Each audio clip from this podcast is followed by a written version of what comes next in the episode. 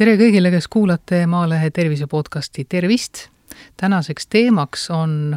allergia ja hooajaline allergia täpsemalt. stuudios on Tartu Ülikooli Kliinikumi sisekliiniku ambulatoorse osakonna juhataja doktor Mare Pauklin, tere päevast! tere ka minu poolt! Liis Seljamaa on saatejuhiks kevad on selline aeg, kui hooajaline allergia võib-olla esineb sagedamini, kuna väga paljud inimesed on allergilised mitmesugustele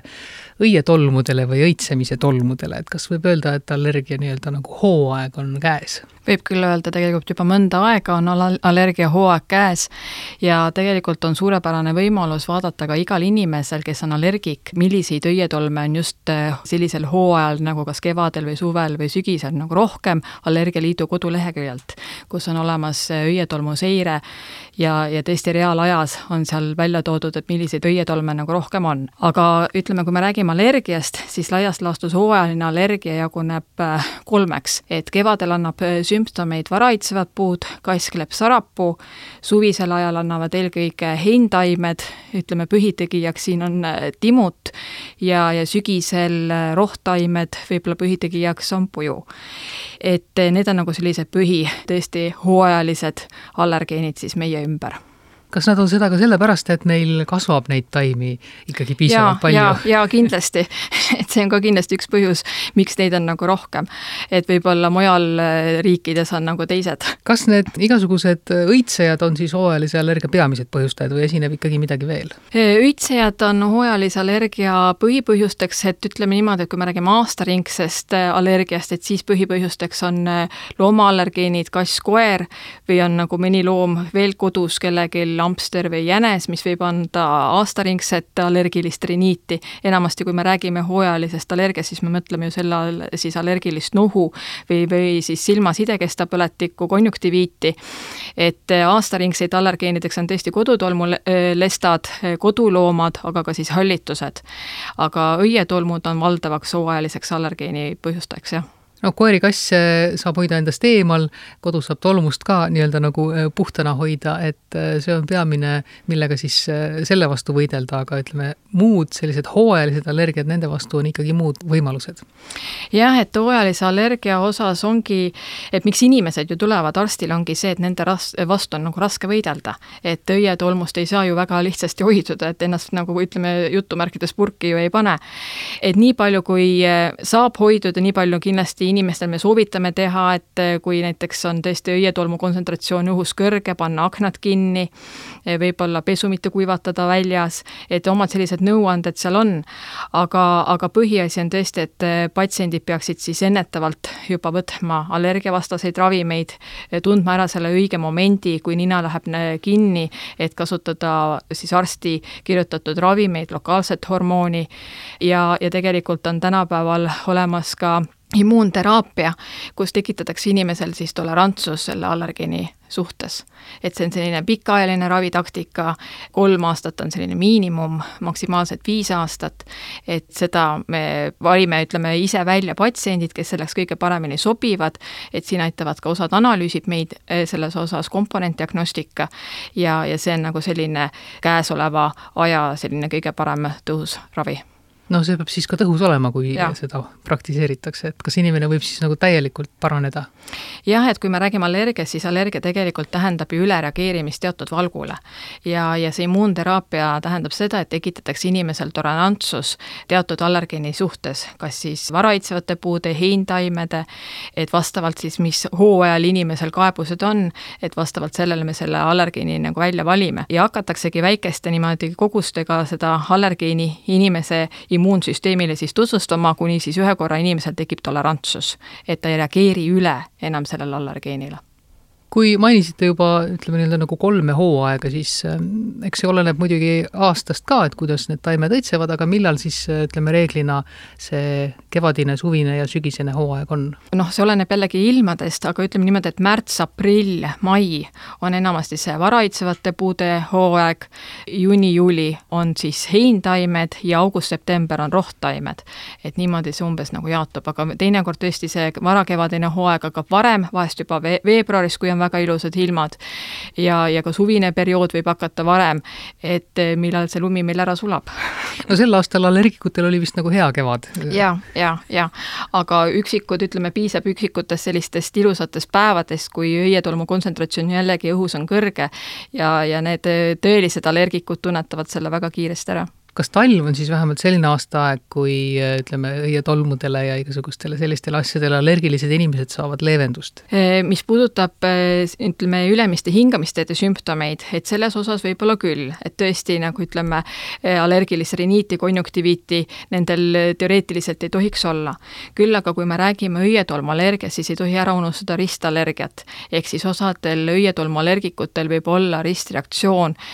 puu- ja juurviljadega, ehk siis ütleme, ütleme, varaitsevate puude allergikul võib tekkida õuna süües suusümptomid ja see on tegelikult aastaringselt nii. et mitte ainult, ütleme siis seal varakevadisel perioodil. et paraku ütleme, õietolmuallergik ei pääse sellest, sellest allergiast ka talvisel perioodil, kui tal on oraalne allergia et on võimalik ka välja selgitada, mis ütleme, sellist allergilist reaktsiooni tekitavad siis asjadest, mis sa endale suhu paned, et kui nendest hoiduda, siis on ikka ja, parem. ja, ja, ja kuna ütleme, need sümptomid tegelikult tekivad äh, suhteliselt kiiresti ja nad püsivad, ütleme, kolmkümmend minutit, äh, äärmisel juhul üks tund ja tegelikult allergiavastane ravim kupeerib seda suhteliselt kiiresti, siis see tegelikult väga suureks probleemiks ei ole. ja kui termiliselt töödelda neid toiduaineid, siis see valk muundub ja tegelikult osadel juhtudel üldse ei annagi sümptomeid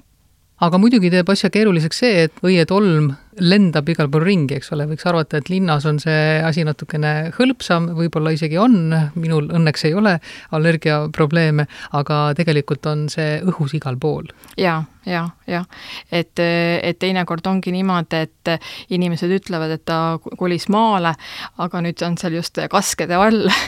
et midagi teha ei ole, aga nüüd on talgi see nagu allergia nagu väljendunud rohkem. et paraku nagu nii on kas suhtutakse hooajalisse allergiasse piisavalt tõsiselt inimeste endi poolt, et kui vaevused ei ole võib-olla väga hullud, et siis noh, lihtsalt elab üle selle aja, eks ole? No ütleme jah niimoodi, et eriti meesterahvad, et, et kui see varaitsevate puude allergia puudutab, ütleme aastaringselt ainult kahte-kolme kuud, siis, siis mehed ei kipu väga kiiresti sinna allergoloogile või perearstile nagu pöörduma. küll aga tullakse siis, kui on juba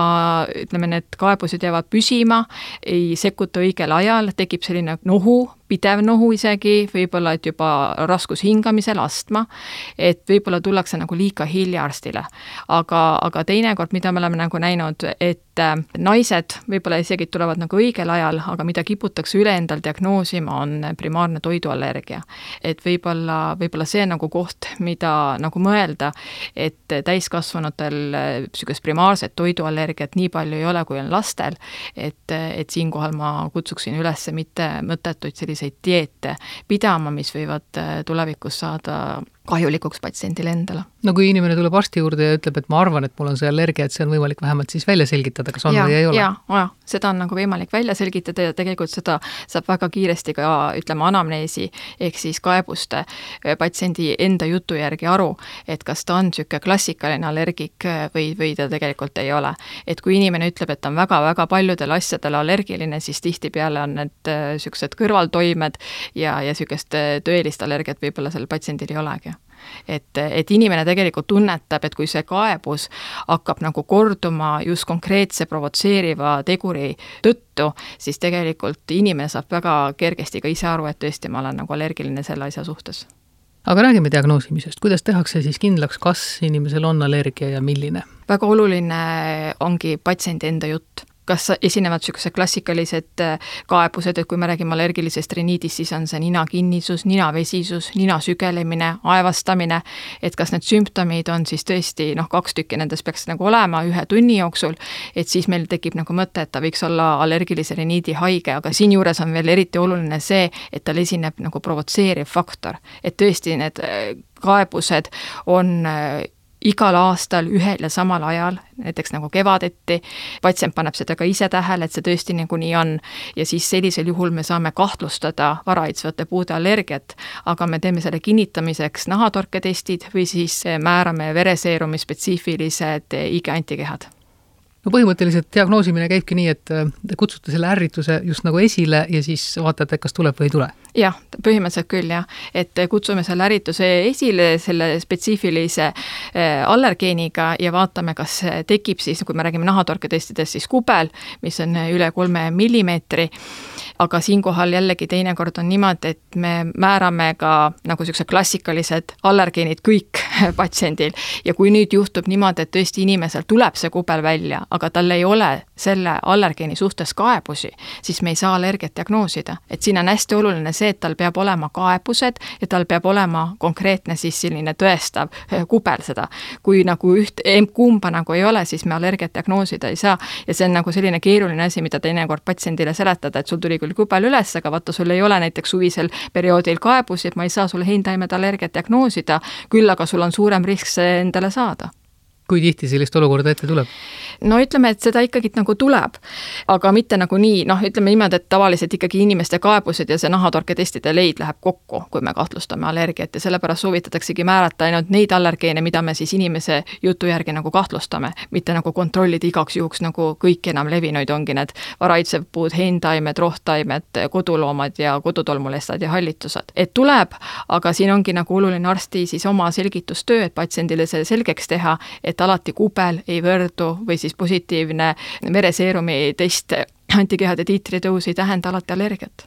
no siit ka minu järgmine küsimus, et kas see diagnoosimine on lihtne, et võib-olla ei saagi seda niimoodi küsida, et kas selle diagnoosi nii-öelda patsiendile vastuvõetavaks tegemine on lihtne? See oleneb tõesti patsiendist, et eh, peab tunnistama, et allergia tänapäeval, ütleme eriti toiduallergia on selline moodne haigus, moodne haigus, et mõni on võib-olla tõesti nagu pettunud, kui ta seda diagnoosi ei saa, aga see on arsti kunst, et sa pead patsiendile seda selgitama, kuidas asjad tegelikult on. Ja tegelikult väga suur osa sellest diagnoosist tulebki patsiendi enda jutust, et see on nagu ääretult oluline, et patsient räägiks kõik arstile ära, millised sümptomid tal on, mis ajal ja mida ta ise nagu arvab tõesti selleks provotseerivaks teguriks, et siis meil on ka lihtsam seda allergeeni tuvastada aga kui tihti tulevad patsiendid jutuga, et ma ise olen püüdnud seda ravida ühel või teisel moel, noh, mingisuguste alternatiivmeditsiini võimalustega? võib-olla allergilist riniiti nii väga alternatiivselt ei ravita, küll aga mis on nagu silma jäänud, on need ütleme, väga märkimisväärsed dieedid, mida tehakse, näiteks mõni inimene kas siis on ainult läinud tatra peale või peab siis arbuusidieeti, et kes arvab siis endal tõesti niisugust primaarset toiduallergiat nagu olevat, aga tõesti nagu noh, patsiendiga vesteldes ja analüüse tehes selgub, et tegelikult tal ei ole primaarset toiduallergiat ja ta tegelikult ei pea pidama sellist märkimisväärset dieeti, et see on nagu selline problemaatiline osa nüüd sellest, et sellele patsiendile see selgeks teha, teha, et tegelikult ta võib eh, asju süüa ettevaatlikkusega ja kui need talle kaebusi ei tekita, siis tegelikult pole probleemi. Ma ei kujuta küll ette, väga pikalt vist nagu arbuusi peal ikka ei püsi või? Jah, et ja, ja ütleme niimoodi, et siin on nagu ütleme, kui inimene jätab oma toidusedelist ikkagi valgutooted eh, välja, siis inimene peab alati mõtlema sellele, et kui ma ühe grupi jätan välja, et ma pean asendama seda millegiga. et tulevikus on need, need patsiendid, kellel võib-olla osteoporoosi risk on nagu kõrgem, et selle peale peab nagu mõtlema kui diagnoositud juba on, kuidas siis ravitakse, et uusimatest meetoditest juba oli natuke juttu? no põhiasi ongi allergeeni vältimine, nii palju, kui seda teha saab, nii palju tuleks seda nagu teha teine asi on see, et juba ennetavalt, kui on teada näiteks, et inimesel on kas siis koera- või kassiallergia, et enne, enne kokkupuudet võiks võtta allergiavastase, mida me nimetame antistamiinikumiks, tableti siis sisse ja kuna ütleme, inhaleeritavad allergeenid tegelikult annavad kiiret tüüpi allergiat ja vabanevad ka teised põletikumediaatorid, siis oluline roll on tegelikult ka lokaalse hormooni tarvitamisel. et nii me räägime sellest, ütleme, allergilise riniidi puhul kui ka siis astma puhul et õige ravi õigel ajal on ülioluline, sellepärast et sellega me proovime vältida kaugtüsistuste teket. et enamasti ongi siis allergeeni vältimine, antistamiinikumide tarvitamine ja lokaalse hormooni tarvitamine siis hooajaliselt. ja tuleb välja selekteerida siis need õiged patsiendid immuunteraapiaks. et see on pikaajaline ravi, aga see on väga tõhus ravi kas seda tehakse, seda viimast immuunteraapiat tehakse nüüd järjest rohkem ka, et rohkem ja, patsiente saab abi? kindlasti, kindlasti. Ja seal on nagu kahte tüüpi, et tehakse siis nahaalussüstena, aga on võimalik ka sublinguaalne ravi, kus patsient iga, igal visiidil siis arsti juures ei käi, ta teeb seda kodus, et äh, aeg-ajalt kutsutakse teda arstivisiidile, et seal on nagu eri mooduseid, kuidas me seda nagu teeme. Kui aga jääb ravimata välja ka hooajaline allergia, kas sellest võib kujuneda mõni tõsisem haigus? jaa, et sellest võibki välja kujuneda astma, et on tehtud rida uuringuid ja tegelikult ütleme, kuni neljakümnel protsendil allergilise riniidi patsientidest võib tekkida astma ja tegelikult kuni kaheksakümne viiel protsendil on hingamisteede hüperreaktiivsus ja allergiline riniit ja silmaside kestab põletik, konjunktiviit käivad tihtipeale käsikäes, et kui ei ravita neid haigusi õigel ajal, siis, siis võibki kujuneda selline selline püsihaigus nagu astma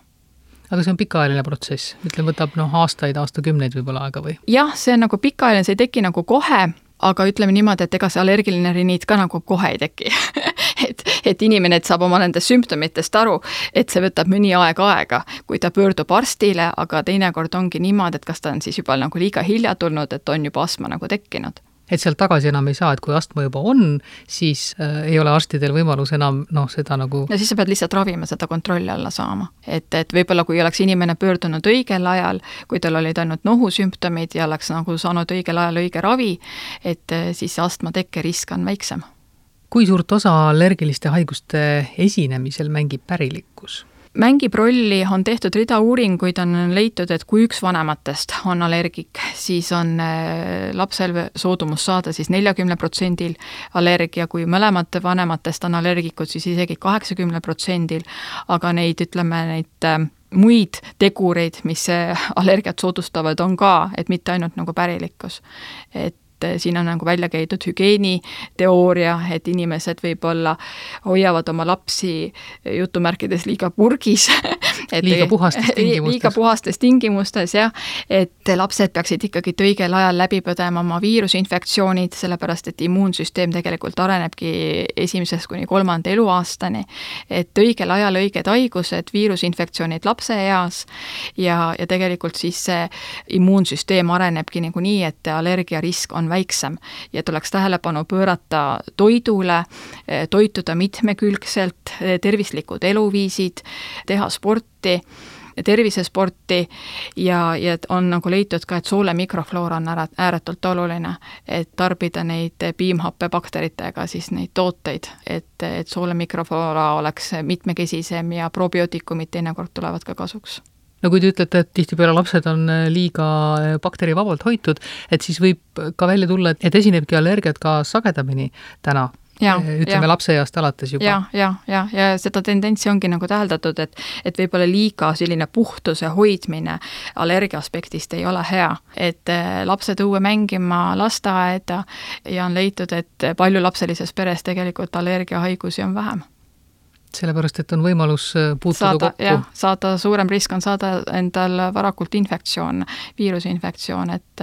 et, et, et sellist tendentsi on täheldatud, jah. no teie enda soovitused, kui inimesel on äh, tegemist juba nii-öelda temale teadaoleva haigusega, siis küllap ta on ennast äh, varustanud juba ja, ja noh, võib-olla ka tarvitanud neid äh, ravimeid, mis lasevad tal siis paremini elada. aga kui inimese jaoks see niisugune allergiline reaktsioon on alles uus asi, et mida siis võiks tema teha? Mina soovitan kõigil koju muretseda, neid saab ka käsimüügist, allergiavastased äh, ravimid, äh, tuleb tähelepanu pöörata sellele, et oleks ikkagi uuema põlvkonna omad, see tähendab seda, et noh, et mitte eelistada teist tüüpi vanema põlvkonna antistamiinikume, noh milleks on taveküül,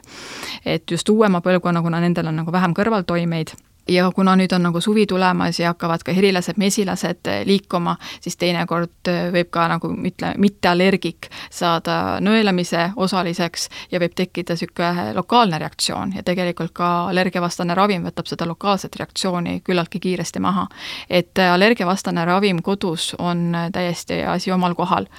ja mida saab veel ise inimene teha, on tegelikult meresoola lahusega nina loputamine. et kui ta tunneb, et nina ikkagi aeg-ajalt läheb nagu kinni, seni ei ole päris kindel, kas ta on allergik või mitte, et nina meresoola lahusega loputada on äh, täiesti omal kohal ja enda patsientidele, mida te soovitate tavaliselt, kõiki neid samu asju. Kõiki neid samu asju ja pidada, ütleme, sellest režiimist kinni, et see on nagu oluline, et kui nagu ütleme, läheb juba hästi, siis, siis see ei ole see koht, kus inimene ise enda ravi ära lõpetab, vaid ikkagi teha see ravikuur kui selline läbi ja, ja immuunteraapia patsientidel ongi see, kuna see ravi on nagu niivõrd pikk, kolm aastat, et vahepeal ära ei katkestataks, kuna, kuna tulemusi tulemusi tihtipeale me näeme juba esimesel aastal, et ei teki enam allergiasümptomeid, kas siis kevadel, suvel või sügisel, et, et, et ikkagi oma ravi lõpuni ära teha Need on head soovitused äh, ja loodetavasti saavad kõik nautida siis äh, väljas olemist ja ilusaid ilmasi, looduses viibimist, ka need, kellel on allergiaga seotud vaevused. aitäh, doktor Pauklin, soovin teile endale ka tervist ja allergiavaba elu! jah, kõike head ka teile!